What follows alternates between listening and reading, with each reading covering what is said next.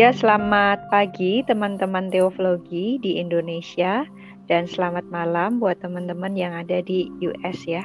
Ini kita semua baru bangun ya. Tapi hari ini kita akan membahas sebuah topik yang sangat menarik sampai kita bela-belain untuk bangun tidur langsung ngevlog ya. Karena topik ini sangat-sangat menarik ya dan hari ini kita juga disertai dengan seorang narasumber ya seperti biasa Bung NS ya yang akan um, memberikan pada kita pandangan Origenes mengenai keselamatan.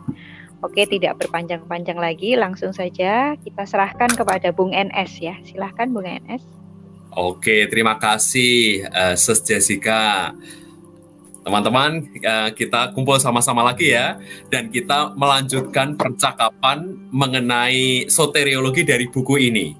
Ya, uh, dan saat ini kita akan membahas satu tokoh yang bernama Origenes. Nah, siapa dia? Ada hal yang menarik dari tokoh Origenes ini. Nah, rekan-rekan, uh, saya akan tunjukkan slide ini. Saya sudah persiapkan slide. Nah, semoga ini bisa lancar. Nah, mari kita akan diskusikan nanti uh, berdasarkan slide dan paparan yang saya sampaikan. Nah, ada tambahan bukan hanya dari buku ini, supaya kita juga memahami um, latar belakang Origenes sehingga kita pun menghargai dia sebagai seorang pemikir. Oke, okay? nah sebagaimana yang lalu dengan Agustinus, saya mulai dengan tiga fakta mengenai Origenes. Tiga fakta itu, yang pertama, Origenes bukan seorang santo dan bukan seorang bapak gereja. Ini, ini sangat penting. Dia tidak pernah dikanonisasi dan dia tidak pernah dianggap sebagai peletak ajaran gereja Nah, ini teman-teman ya.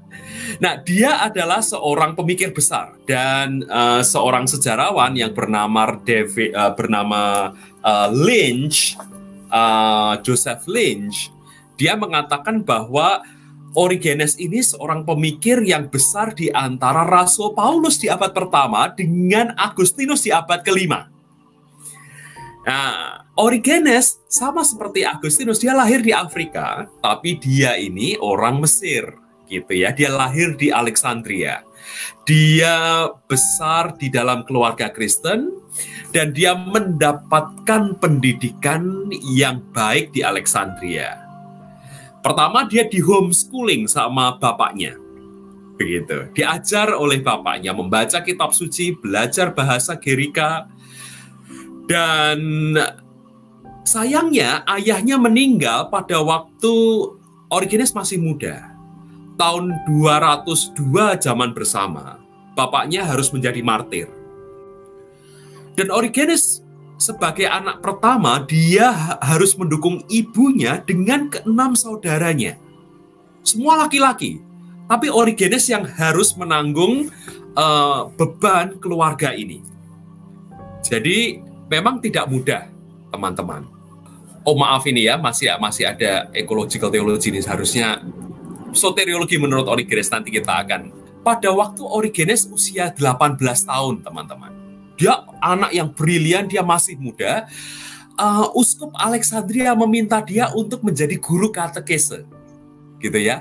Jadi gereja punya sekolah katekese dan Origenes ini diminta untuk membuat eh, menjadi guru di sekolah katekese itu. Pada waktu itu uh, setelah dia itu bertahun-tahun menjadi guru katekese lalu dia merasa dia ingin memulai sekolahnya sendiri. Dan memang dia membuka sekolahnya sendiri. Nah, sejak muda perlu kita juga lihat di sini uh, Origenes ini teman-teman itu orang yang memang laku hidupnya itu asketis dia itu sangat sederhana uh, dia hidup uh, dengan pakaian yang seadanya makan juga seadanya tidur juga sangat minim ya kenyamanan fisiknya itu juga juga dia dia uh, apa namanya minimalisir sedemikian rupa. Nah, yang menarik. Nah, ini fakta yang sebenarnya saya itu dapatkan bertahun-tahun sebelum saya uh, tahu tentang Origenes itu dari Bung DS gitu ya. Waktu saya waktu saya di saat Bung DS itu banyak membaca patristik begitu.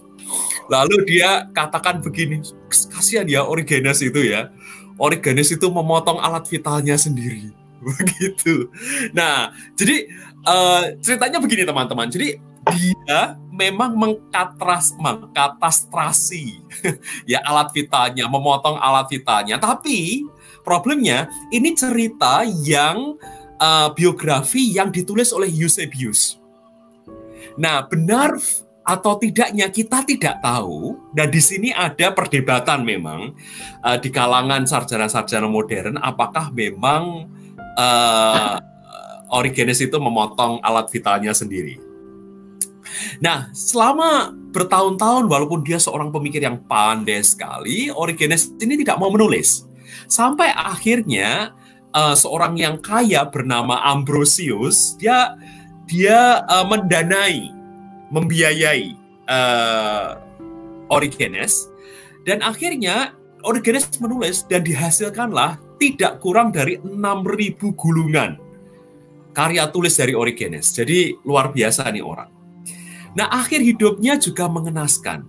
Di bawah Kaisar Decius yang mengadakan penganiayaan gereja pada tahun 250 sampai 251, Origenes ini dianiaya.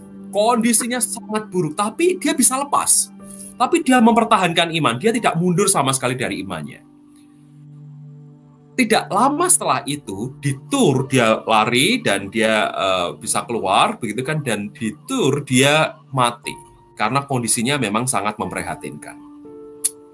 Nah, semua catatan mengenai kehidupan Origenes itu diambil dari Eusebius memang seperti yang tadi saya sebutkan. Eusebius adalah uh, biografer dari Origenes. Ini fakta yang pertama. Fakta yang kedua, Origenes lebih suka disebut sebagai murid Alkitab, biblical scholar daripada seorang teolog. Nah, di sini kita perlu lihat ini. Jadi uh, Origenes itu seorang exegete. Bahkan kata exegesis dan exegete itu asalnya dari Origenes, teman-teman. Maka buat seorang, buat para uh, biblical scholar, kalau Anda masih menyebut diri Anda sebagai exegete, begitu ya, itu mau tidak mau hutang Anda adalah kepada satu orang ini. Juga seorang lower critic dia membuat karya yang sangat terkenal yang namanya itu Hexapla. Jadi dia membandingkan, dia ahli kritik teks. Dia membuat kolom-kolom begitu jumlahnya enam dan membandingkan terjemahan-terjemahan uh, Alkitab. Dan pada waktu itu Alkitab itu kan bahasa Ibrani dan bahasa Latin. Ah, bahasa Yunani, maaf teman-teman. Gitu ya, Septuaginta. Nah, si Origenes itu membuat kolom-kolom seperti itu. Jadi melakukan kritik teks. Dengan kata lain, saya mau katakan juga bahwa kritik teks itu asalnya juga dari Origenes. Kritik teks uh, Alkitabiah. Ya. Jadi orang ini yang sangat mempengaruhi laju perkembangan biblical scholarship di kemudian hari. Hieronymus misalnya yang menerjemahkan Alkitab dari bahasa Ibrani dan uh, uh, uh, Yunani itu ke bahasa Latin juga memakai Origenes. Dia adalah seorang biblical scholar. Nah, kemudian yang ketiga dia adalah teolog pertama dan mungkin bisa disebut bahwa dia teolog konstruktif dan teolog kreatif. Nah, rekan-rekan, bicara mengenai teologi, pada waktu itu belum ada dogma yang baku, belum ada ortodoksi. Kita harus catat di sini ya. Jadi, masa-masa itu gereja masih jati dirinya ini. Gitu. Nah, Origenes sendiri dipengaruhi oleh Middle Platonism yang merupakan gabungan dari pemikiran Platonisme. Jadi dia percaya adanya hierarki uh, being begitu ya makhluk makhluk itu ada hierarki sampai puncaknya itu kepada Allah. Itu.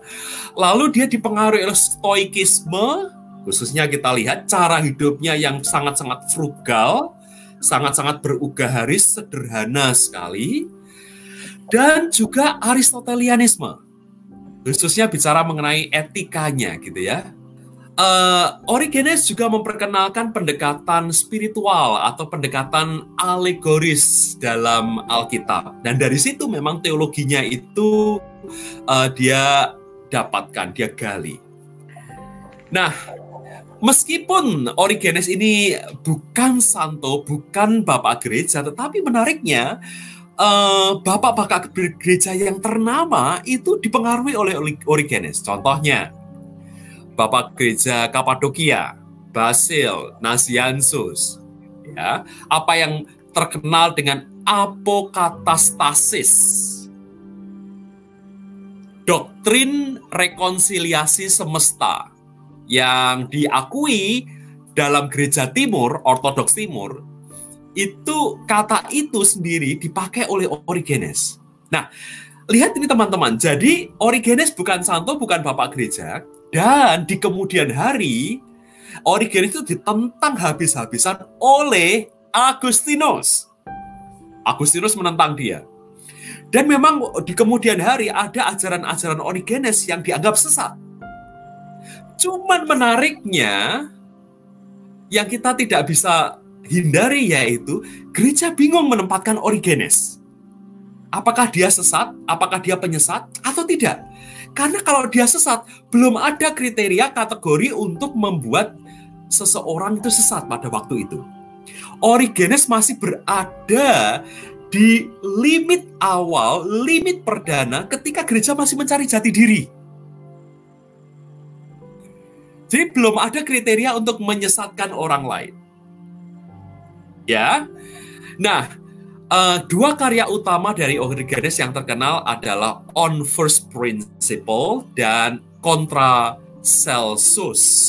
Celsus itu uh, uh, pagan ya, uh, orang kafir, tapi dia menentang habis-habisan kekristenan.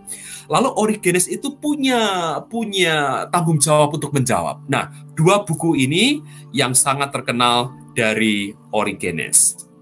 Nah, saya berhenti di sini memberikan pengantar mengenai Origenes, tetapi sekarang saya ingin masuk ke artikel di buku ini nih, rekan-rekan ya, yang ditulis oleh Thomas Scheck. Ya, rekan-rekan bisa melihat di situ. Nah, apa yang Thomas Scheck ini katakan tentang Origenes.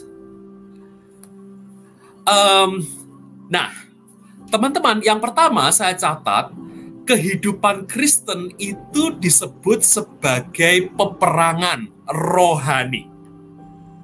Jadi, bagi tradisi gereja yang suka dengan peperangan rohani, istilah itu berasal dari Origenes. Ya, jadi ini kita lihat ya Origenes itu punya punya uh, hal yang sangat penting untuk untuk perkembangan selanjutnya. Nah, lalu harus dilihat juga di sini bahwa istilah uh, extra ecclesiam nulla salus yang terkenal dari uh, Cyprianus itu bukan dari dia asalnya, tapi dari Origenes rekan-rekan bisa membaca di situ. Oke, okay?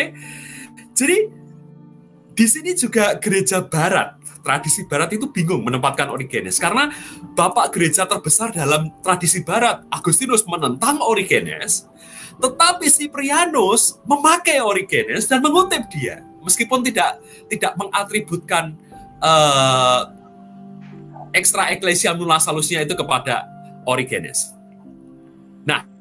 Tetapi yang kita lihat di sini, Origenes itu sebenarnya mencintai gereja dan dia mengatakan bahwa gereja itu punya keutamaan sebagai lokus keselamatan Allah. Oke, okay? sebagai lokus keselamatan Allah. Lalu kita melihat di sini uh, apa yang dipahami oleh Origenes mengenai uh, logos yang berinkarnasi, uh, logos incarnatus Nah, Logos Incarnatus Sang Firman itu adalah guru ilahi. di sini penting. Origenes memandang or, logos Yesus Kristus itu sebagai guru ilahi. Nah, ini kalau ada Bung Perdian dan Bung Adi sebagai orang-orang Anabaptis, ini sebenarnya justru bisa lebih on ini mereka, bisa relate di sini. Karena buat kaum Anabaptis dan saya juga sebagai orang Anabaptis ketika saya membaca kembali Origenes, saya terperanjat. Karena ini dekat sekali dengan Anabaptisme. Karena kaum Anabaptisme itu reluctant untuk mengatakan Yesus Kristus sebagai uh, dua pribadi, uh, dua natur ya, Allah dan manusia. Tetapi kalau sebagai guru, sebagai master, sebagai teladan, itu yes sekali. Nah di medieval saya lihat uh, pemikir yang mengembangkan hal ini juga ada, yaitu Abelardus, ya, Petrus Abelardus. Nah, Ketika Origenes itu menggali mengenai keselamatan teman-teman, dia membaca surat Roma. Nah, sekali lagi yang pernah saya katakan di uh, Agustinus, banyak teolog besar itu membaca surat Roma. Nah, di sinilah juga berbedanya uh, Origenes dengan kaum Anabaptis. Kalau kaum Anabaptis itu uh, sangat tidak suka surat-surat Paulus, apalagi Anabaptis dan Mennonite yang modern itu nggak suka surat Paulus, ya lebih sukanya Injil. Tetapi Origenes melihat bahwa Paulus adalah murid Kristus, dia ingin mengikuti Kristus. Nah, tetapi yang menarik ketika Origenes itu melihat um, Roma, khususnya membaca surat Roma pasal yang kelima, menurut Sheikh, uh, dia melihat bahwa keselamatan itu adalah sebuah karya kolaboratif antara Allah dengan manusia. Allah memberi anugerah dan Origenes uh, sangat-sangat jelas di sana. Manusia itu menerima dengan kehendak bebasnya. Ya. Jadi manusia menerima anugerah itu dengan kehendaknya. Ini jelas sekali di Origenes. Lalu dia juga mengatakan mengenai purgation, mengenai purgatory, ya, mengenai penghakiman Allah. Nah, Origenes tidak jelas di sini bicara mengenai hell, bicara mengenai neraka, teman-teman. Tetapi dia bicara jelas mengenai uh, adanya api yang menyucikan. Ini tidak bicara mengenai apakah di uh, kehidupan setelah kematian itu ada hell, ada purgation. Dia tidak memisahkan itu karena belum ada kategori pemisahan itu ya pada waktu itu. Tetapi dia percaya bahwa setiap orang itu sudah berdosa dan pasti akan melewati purgation itu. Nah, suatu saat kelak manusia bisa melewatinya. Kenapa? Safe. Nanti kita akan melihat, ya. Kita akan melihat selanjutnya nanti, teman-teman. Kita lanjut ya. Nah, karena e, karya keselamatan itu sebuah karya kolaboratif, maka Origenes juga tidak sungkan untuk berbicara mengenai perbuatan baik. Dan ini sangat berbeda dengan pandangan Anselmus maupun pandangan Luther, Melanchthon, uh, Calvin, tetapi dekat dengan Anabaptis kaum Anabaptis. Jadi keselamatan itu tidak bisa tidak juga dengan perbuatan baik. Jadi kalau uh, orang-orang Anabaptis ditanya mengenai keselamatan dan dan pertanyaan dua pertanyaan diagnostik begitu ya. Uh, apa yang kalau pertanyaan yang kedua apa yang membuat Allah itu menerima kamu di surga? Apakah anugerah ataupun perbuatan baik? Orang-orang Anabaptis akan menjawab perbuatan baik juga penting di situ gitu.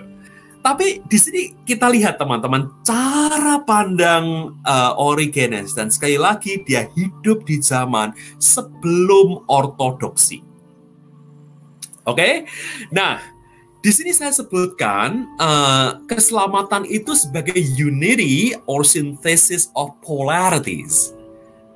Nah, kalau nanti teman-teman atau suatu saat kelak kita belajar mengenai Petrus Abelardus, Anda akan melihat pemikir yang satu ini, Petrus Ablardus itu juga banyak bicara mengenai polaritas. Nah, Origenes ternyata menjadi dasar di sini. Jadi Origenes itu tidak sungkan mengenai bicara mengenai unity antara perjanjian lama, perjanjian baru, gospel dan Saint Paul.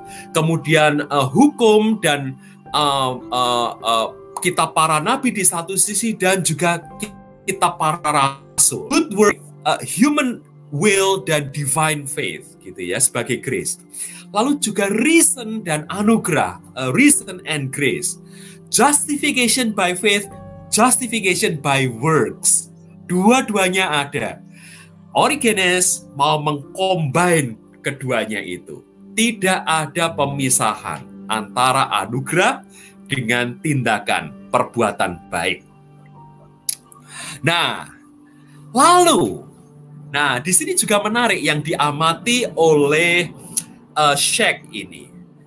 Origenes juga banyak bicara bahkan dia adalah teolog yang pertama kali merumuskan mengenai justification. Jadi Luther mau bicara justification, Calvin mau bicara justification di era reformasi. Akarnya dari mana teman-teman? Yang menteologikan pertama itu Origenes.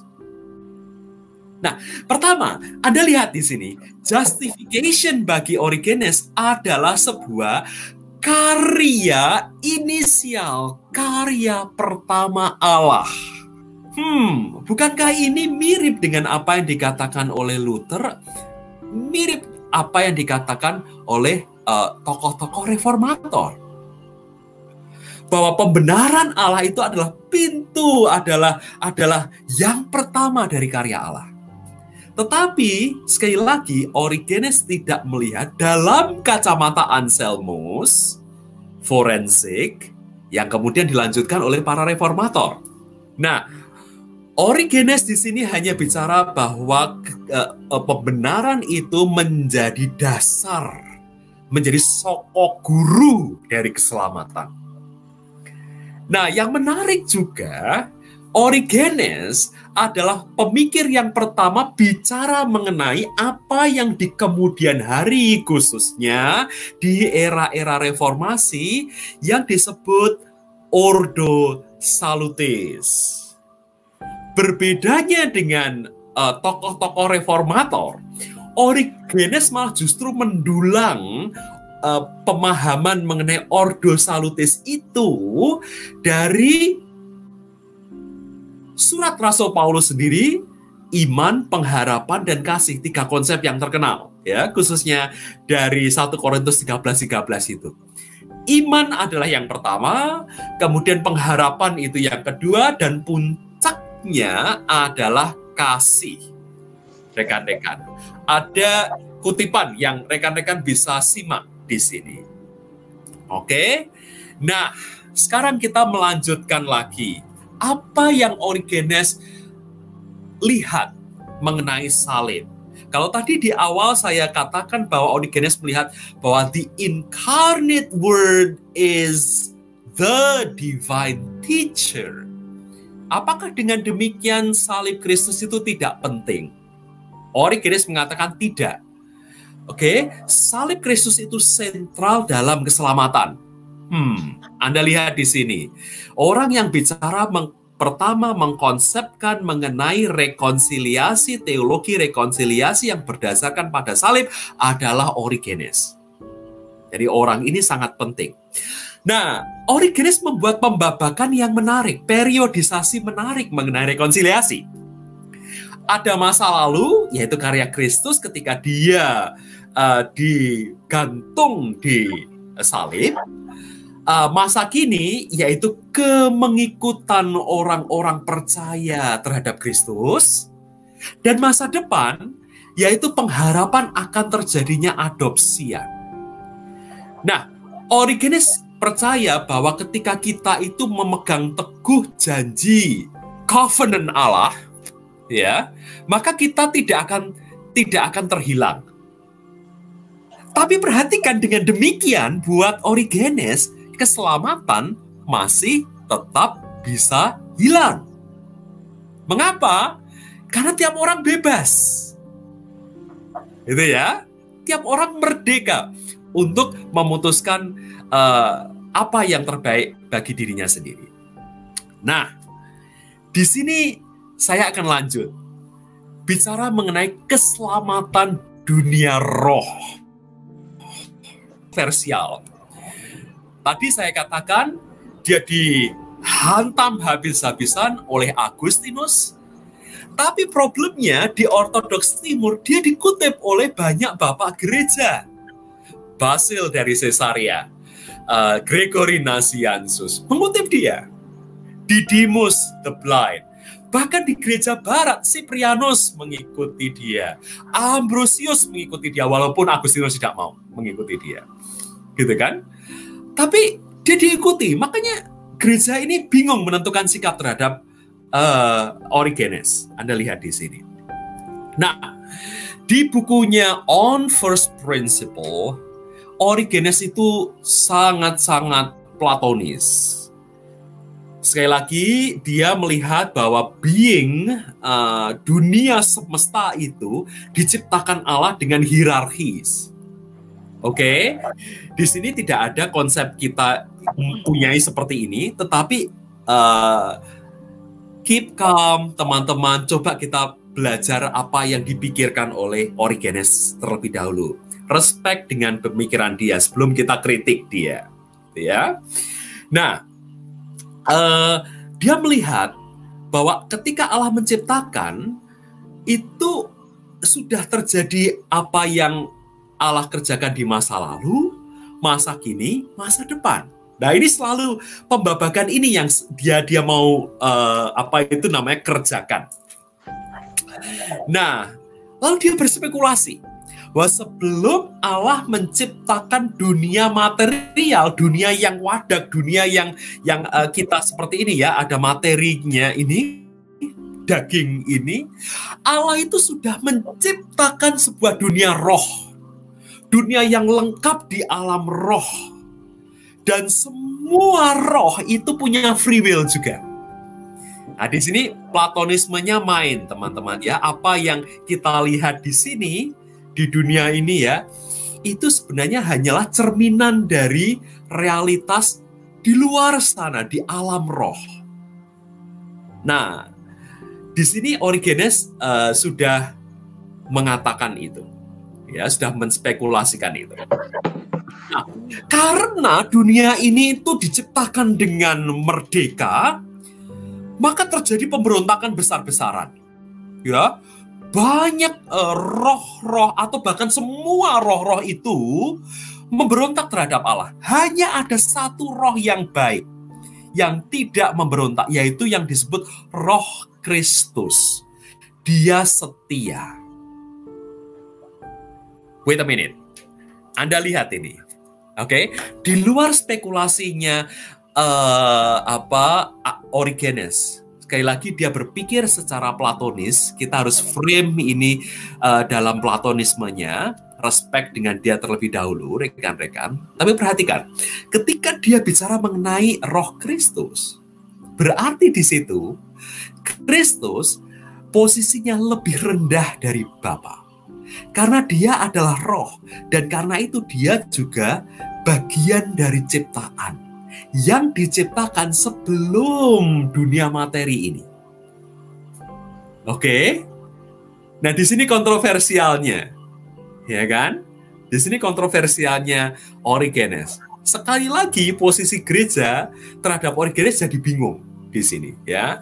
Agustinus menentang Origenes dalam masalah ini. Tetapi Origenes di dalam kehidupannya dia sangat kontra dengan Gnostisisme. Oke, bedanya dengan gnostisisme yang juga bicara mengenai uh, alam roh, ya dunia diciptakan uh, bukan hanya materi tetapi roh. Bagi uh, gnostisisme, mereka percaya bahwa dunia materi itu buruk karena ini penjara dari roh. Origenes tidak. Oke, Origenes tidak melihat itu. Okay. Tetapi Origenes melihat bahwa dunia materi adalah terbatas. Oke, lemah. Ada kelemahan. Nah, maka kita lihat di sini teman-teman, semua roh yang memberontak tadi, ya di alam roh tadi yang diciptakan Allah sebelum dunia material ini, uh, ketika sekarang kita itu diciptakan, uh, ketika Allah kemudian menciptakan dunia materi, maka semua roh yang yang yang terjatuh itu bisa bertobat. Itu teman-teman. Nah, saya ulang lagi ya. Jadi dunia materi ini adalah konsekuensi dari pemberontakan dunia roh. Allah menciptakan dunia materi ini, tetapi materi ini baik. Dan materi ini merupakan sarana yang Allah ciptakan supaya roh-roh itu bisa kembali ke alam roh tadi. Oke, nah coba perhatikan. Di sini ada yang menarik. Allah menciptakan, ya, terus kemudian dunia itu keluar dan dunia akan kembali kepada Allah. Di kemudian hari, pemikir-pemikir ortodoks timur menyebutnya ini sebagai exitus dan reditus. Keluar dari Allah tapi akan kembali ke Allah dan itu akarnya ada di Origenes. Sekali lagi di sini juga Anda melihat dilemanya gereja untuk memutuskan Origenes ini sesat atau tidak. Kenapa? Karena orang kedua di teologi barat yang sangat terkenal Thomas Aquinas itu memakai exitus dan reditus. Oke? Okay? Teman-teman, tetapi lihat ini Origenes percaya bahwa semua roh itu bisa bertobat. Bahkan iblis pun bisa bertobat. Setan-setan pun bisa bertobat. Kenapa? Karena mereka berada di dalam alam roh. Mereka punya kehendak. Dan kalau mereka punya kehendak, mereka pun bisa bertobat. Oke, lepas Anda setuju atau tidak, berpikir bersama dengan Origenes terlebih dahulu. Mari. Oke, nah sekarang problemnya adalah bagaimana memahami penderitaan dan kejahatan. Nah, ini bagian Bujas untuk mengeksplorasi, ya kan? Tetapi implikasinya, kalau begitu, apa artinya kejahatan dan penderitaan?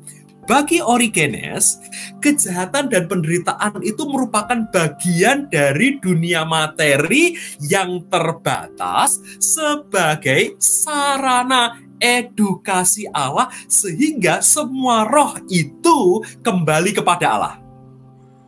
Dengan kata lain, kejahatan dan penderitaan itu adalah providensia Allah.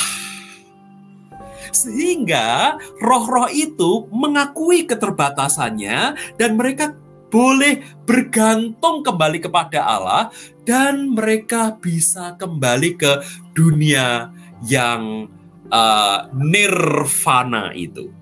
Ya yang tidak fana itu dunia yang kekal itu. Jadi di sini kita melihat kontroversinya uh, kontroversialnya pemikiran Origenes.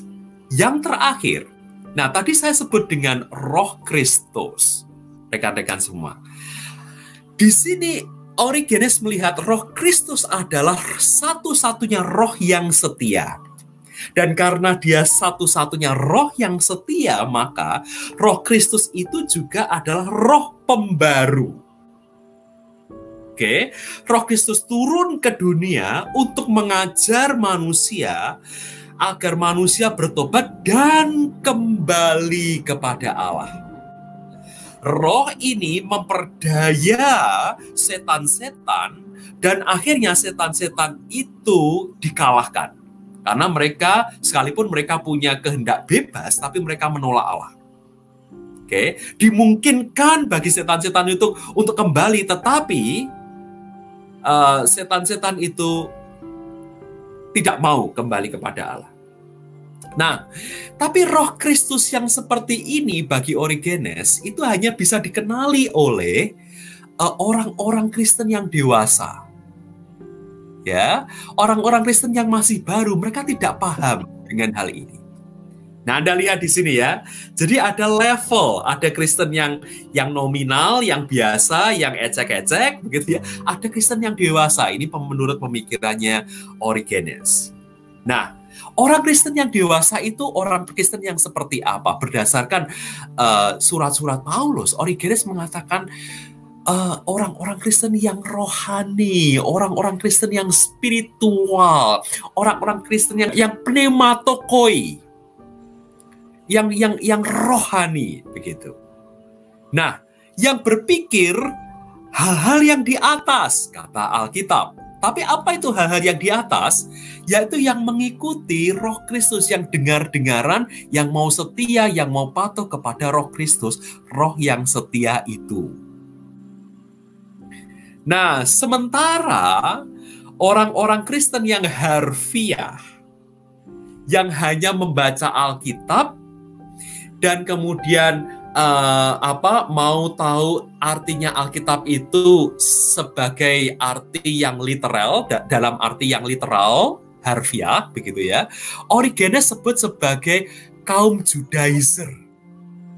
Orang-orang kaum Yahudi, pengikut Yahudi. Karena mereka terlalu berfokus kepada eh, makna-makna uh, harfiah. Nah, Sampai di situ presentasi saya rekan-rekan. Sekali lagi, Origenes adalah tokoh kontroversial, tetapi uh, inilah yang menjadi bagian sejarah gereja sebelum gereja mempunyai ortodoksinya. Saya serahkan kepada Bu Jessica sebagai uh, moderator di sini. Monggo Bu. Iya, terima kasih Bung NS untuk penjelasan yang sangat menarik ya. Dan saya sendiri secara pribadi mendapatkan hal-hal yang baru ya, uh, terutama mengenai Origenes. Nah, sebelum kita melanjutkan mungkin uh, Bung DS nih ya, mungkin sudah tidak sabar untuk bertanya oh, atau Bung Yosia. Oh, aku ya Yosia. Uh, siapa duluan? Mungkin uh, Bung Yosia atau Bung DS yang mau bertanya mungkin atau menanggapi dari presentasi Bung Nindyo. Iya, uh, ya saya sendiri sebetulnya juga punya minat pada uh, apa doktrin apokatastasis Origen ya, dan ya sebetulnya pernah mau nulis tentang itu cuma ya seperti biasa nggak selesai. uh, apa tapi ya semoga suatu hari bisa diselesaikan. Amin. Masih pengen, masih pengen. Yes, good. uh, apa namanya? ketertarikan saya sebetulnya lebih kepada itu ya artikel yang saya temukan chapter artikel dari Michael Jennings uh, seorang Benjamin scholar ya, jadi seorang sarjana uh, pemikiran Walter Benjamin dan di situ menarik sekali buat saya dia menemukan di sana bahwa apa dalam thesis on the philosophy of history itu Benjamin terinspirasi oleh uh, doktrin apokatastasis Origen yang yang yang dia pelajari waktu dia membaca Adolf von Harnack di masa-masa uh, apa berdiamnya di Perang Dunia Pertama begitu. Jadi dia, dia temukan itu dari Adolf von Harnack.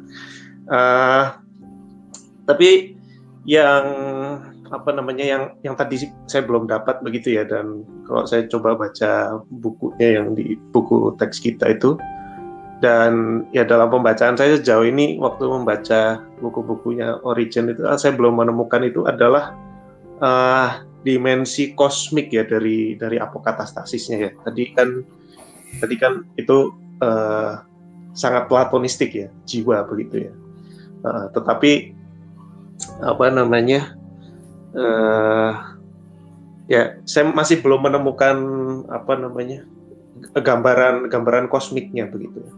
Oke. Okay. Apokatastasis itu kan kalau dalam Alkitab itu cuma muncul sekali ya katanya ya di hmm. kisah para rasul 3 ayat 21 ketika uh, Kristus harus diam di surga sampai pemulihan segala sesuatu. Nah, nah itu yang itu yang yang masih saya cari ya. Bagaimana itu dari dari konsepnya yang platonistik itu uh, lalu uh, apakah ada dimensi kosmiknya dari dari itu karena kalau kalau Jennings menulis di sini ya coba baca baca lagi tadi uh, dia menulis di situ apa kalau pandangan apokatastasis yang dalam Platonisme, Stoicisme dan Gnostisisme itu kosmologis ya dan itu tipikal dari isme-isme itu yaitu ada rigorous alternation of ages of hmm. cosmic culmination and cosmic restitution. Jadi jadi ada ada ada dimensi atau nuansa kulminasi di situ puncak uh, dan juga apa restitusi total gitu ya. Dan ya dan itu kan konsep soteriologinya sangat, sangat radikal begitu ya. Nah, nah itu yang belum belum belum saya bisa lihat sih di, Origin. Mungkin bisa dibantu atau apa?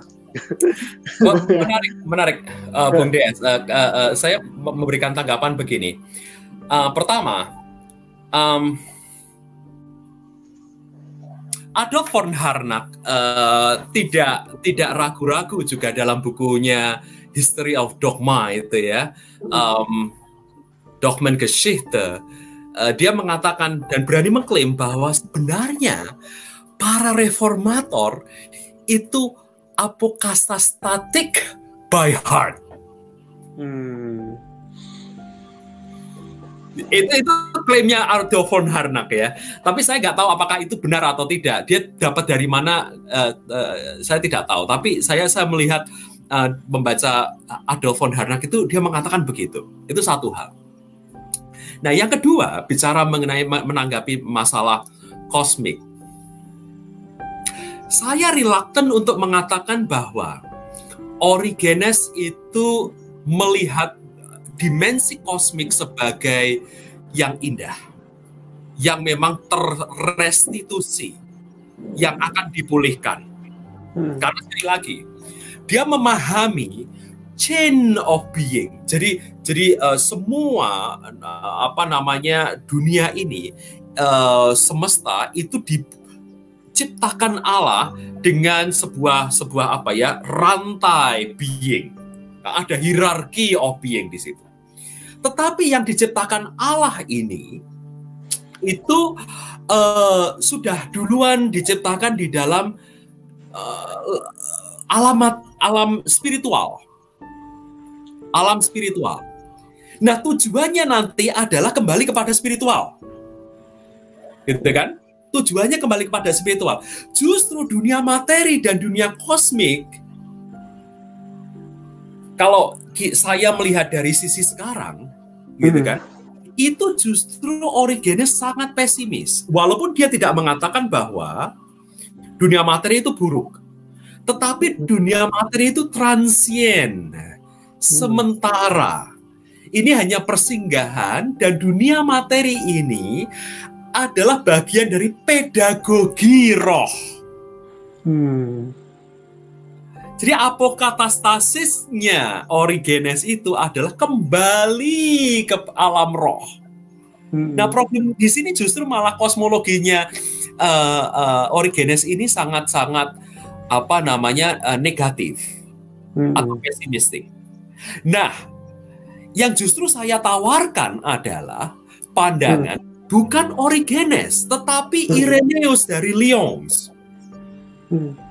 Ori, uh, Irenaeus dari Lyons justru melihat dunia materi yang sekarang ini, uh, yang ada di sini kini ini, itu justru yang baik. Hmm. Nah, bagi saya mah justru dimensi materialistik yang positif itu ada di Irenaeus ketimbang di Origenes. Hmm. hmm, hmm. Nah, yeah, itu, yeah. itu tanggapan saya. Iya. Ya, terima kasih. Oh, iya. Mau Oke, dilanjutkan lagi? Terima kasih. Sorry, satu lagi. Satu lagi. Oke. Okay. Oke, okay, sama lagi uh, apa namanya? Satu lagi itu yang sama uh, mungkin saya masih masih lihat itu mungkin adalah itu ya. Adalah di De Principiis itu ada ada itu ya, ada notion tentang uh, the end is is like the beginning begitu. Nah, nah, mungkin itu ada hubungannya dengan exitus dan reditus tadi itu. Exactly, exactly. Jadi, jadi ya, di sini ini nyambung dengan meskipun nggak kosmologis ya, tapi nyambung dengan uh, grupnya Benjamin dan kawan-kawan itu kan itu kelompok uh, romantisis Yahudi ya yang di era modern begitu yang yang mengkritisi modernitas dari uh, secara romantis begitu.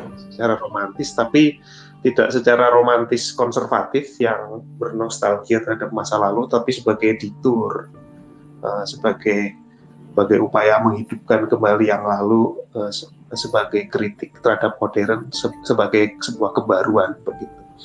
Nah, nah itu sih. Cuma cuma mungkin cuma cuma mungkin soul ya, cuma mungkin yang yang it beginning itu soul ya. Kalau itu sih Iya. masih nyambung ke itu sih bahwa bahwa apa namanya bahwa soul dari yang lalu itu tidak tidak berlalu tidak lenyap selamanya begitu kan tapi tapi masih ada bersama kita dalam dalam satu gerak sejarah eh, eh, penebusan begitu mungkin Ini ini malah justru menarik Bung DS. Justru Ya. kita melihat uh, soul itu sendiri punya dimensi materialistis kan. Itu bisa Iya. bisa, bisa uh, uh, uh, reading reading apa namanya uh, twisting uh, kita bisa twist uh, pem- pembacaan Origenes dari dari situ juga. Itu itu pembacaan yang sangat sangat menarik.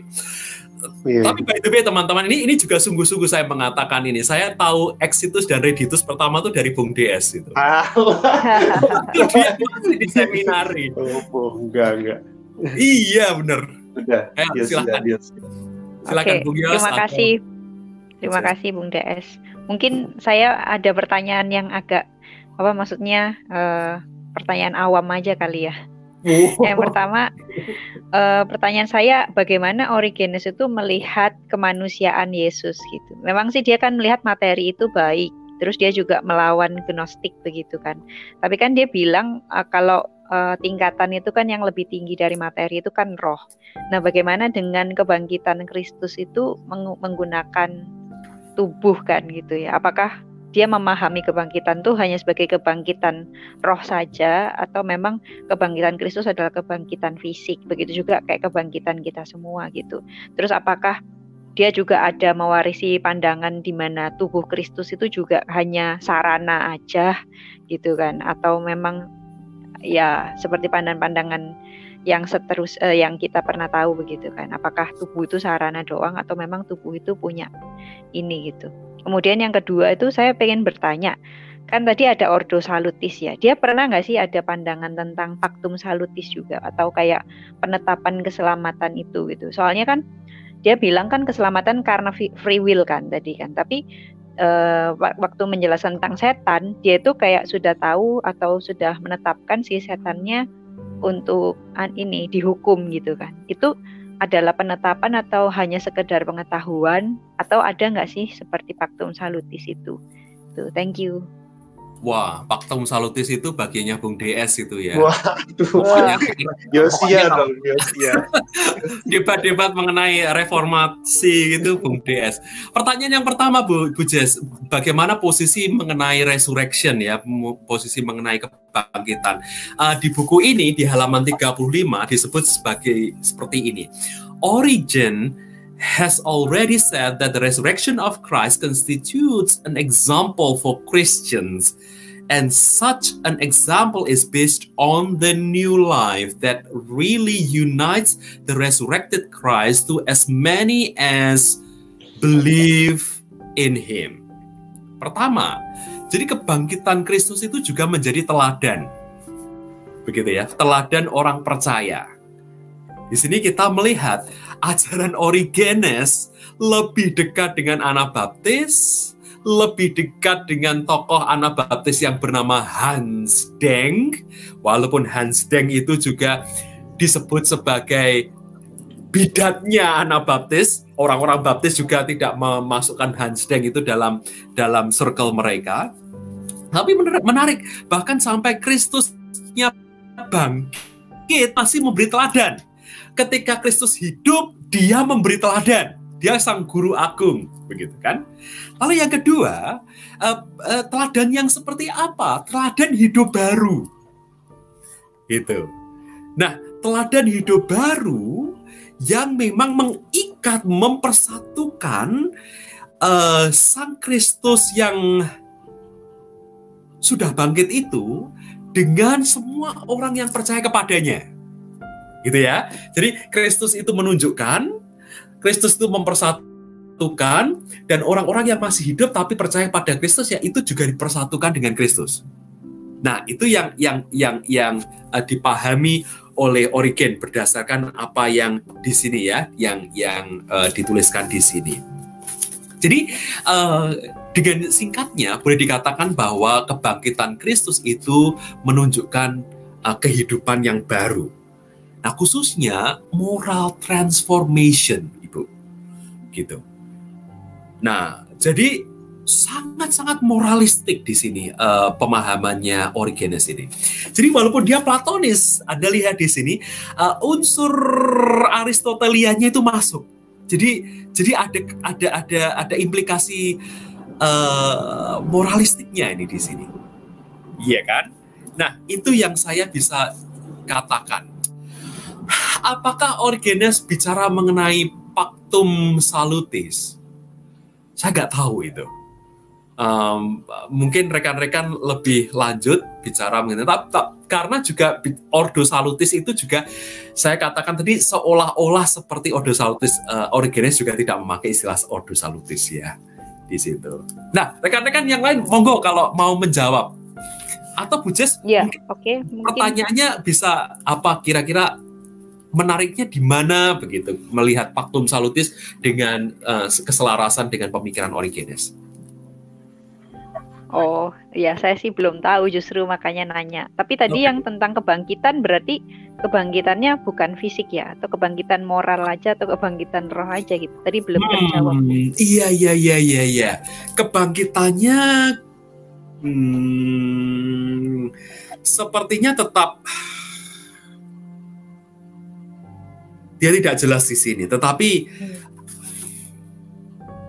kebangkitan ya kebangkitan yang yang kalau saya saya melihat ya Bu ya karena ujungnya ultimnya adalah roh.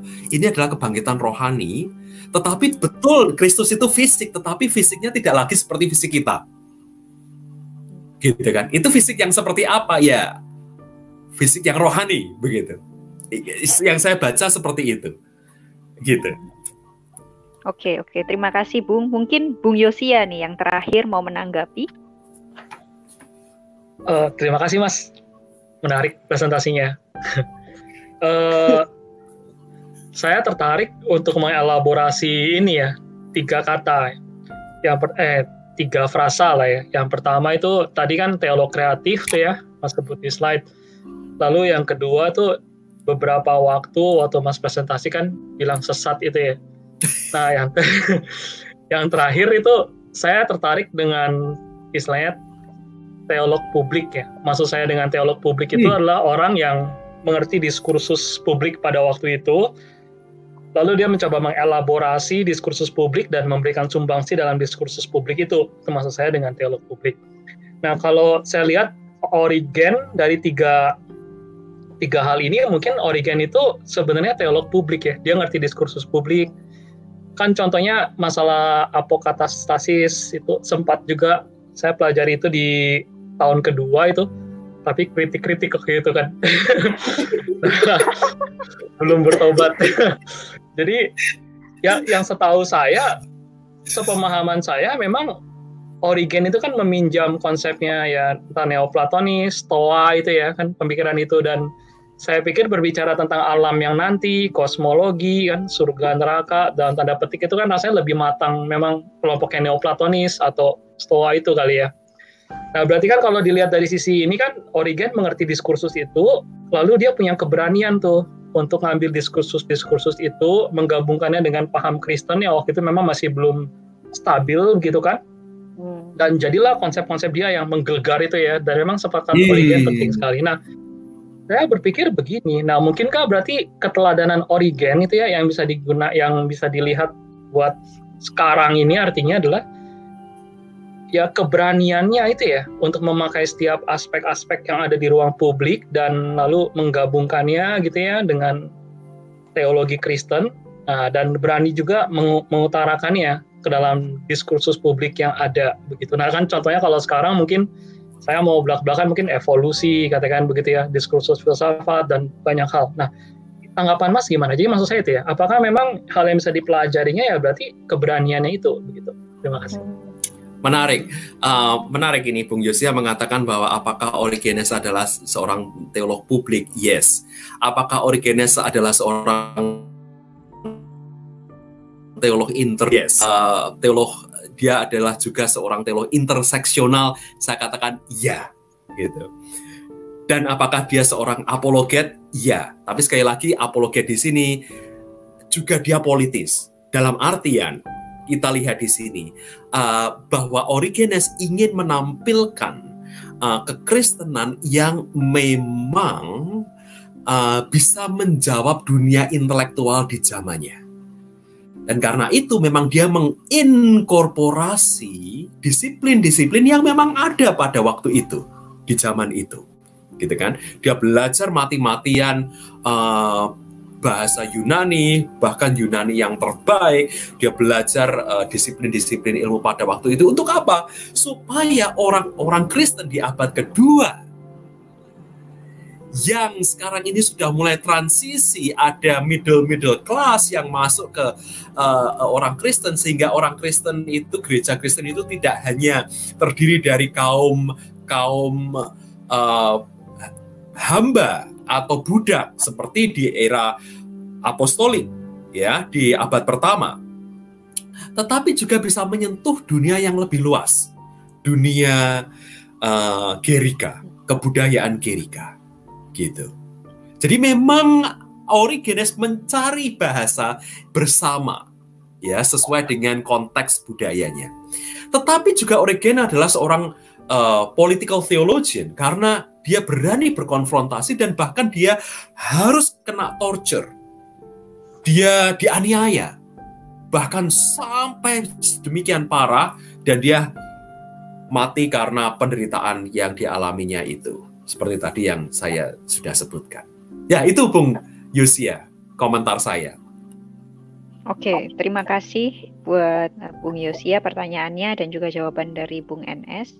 Uh, eh, ya, pemirsa kita juga bisa melihat dari berbagai apa pertanyaan, jawaban dan juga diskusi kita itu kita juga bisa uh, menulis paper-paper ya seperti banyak sekali tema-tema yang muncul dari diskusi kali ini begitu dan saya rasa itu sangat menarik kalau banyak orang yang menggali pemikiran Origenes ini lebih dalam lagi. Mungkin dulu dia dibilang bidat, mungkin sekarang dia dibilang sebagai pemikir yang sangat kreatif begitu ya. Nah, untuk penutup mungkin Bung NS mau memberikan satu pesan terakhir ya buat pemirsa di teologi. Ya, ketika saya mempelajari tokoh-tokoh gereja, lepas dari kelemahan kelemahan-kelemahan mereka. Tetapi yang sangat penting adalah dekati para tokoh itu secara respect dan coba berjalan bersama dengan mereka dan masuk ke alam pikiran mereka. Apa yang sebenarnya sedang diperjuangkan? Apa yang sebenarnya ingin dikomunikasikan? Ketimbang dari awal kita sudah pasang pagar, bahwa itu bukan tradisiku. Itu pasti sesat. Gitu kan? Karena kalau kita sudah pendekatannya seperti itu, siapa pun tokoh yang kita pelajari, kita tidak akan pernah belajar dari mereka. Jadi pendekatan empati, pendekatan dengan respect, rasa hormat itu penting. Ada kelemahan, itu pasti semua pemikiran bisa dikritik. Ya. Tetapi setelah itu juga kita memikirkan apa kira-kira apropriasinya untuk zaman kita sekarang. Bung DS tadi sudah memberikan contohnya. Uh, scholar-scholar Benjaminian. Mereka juga membaca Origenes. Padahal mereka bukan Kristen. Bukan dari gereja. Gitu kan? Mereka tidak berbicara dari sisi teologi Kristen tapi mereka mencoba melakukan apropriasi. Mereka mendekati Origenes secara respect. Full, ya kan? Nah, apalagi sebenarnya sebagai orang-orang Kristen nih. Ya, pewaris-pewaris tradisi gereja. Begitu. Nah, kita perlu belajar dari uh, uh, sikap yang semacam ini. rekan-rekan ya, ketimbang pendekatan yang kontraproduktif menurut saya. Sayang sekali, begitu banyak uh, literatur yang bisa kita akses, pemikiran yang begitu kaya raya. Nah, problemnya adalah bagaimana pemikiran yang sedemikian kaya itu kita bisa hidupkan untuk menghidupkan konteks kita. Oke. Okay. Oke. Okay. Terima kasih Bung NS dan juga kehadiran admin-admin yang lain, Bung Yosia dan juga Bung DS ya cara menghidupkan uh, teologi yang baru itu ya salah satunya lewat menonton teologi begitu ya teman-teman ya. jadi jangan lupa ikuti terus teologi sampai di sini saja perjumpaan kita tapi masih banyak edisi-edisi lain yang siap menghidupkan teologi-teologi yang selama ini dianggap sesat bidat atau yang lain-lain untuk kita hidupkan di konteks kita pada saat ini. Oke, terima kasih dan sampai jumpa. Jangan lupa like, subscribe, like, dan follow subscribe. Instagram. Bye.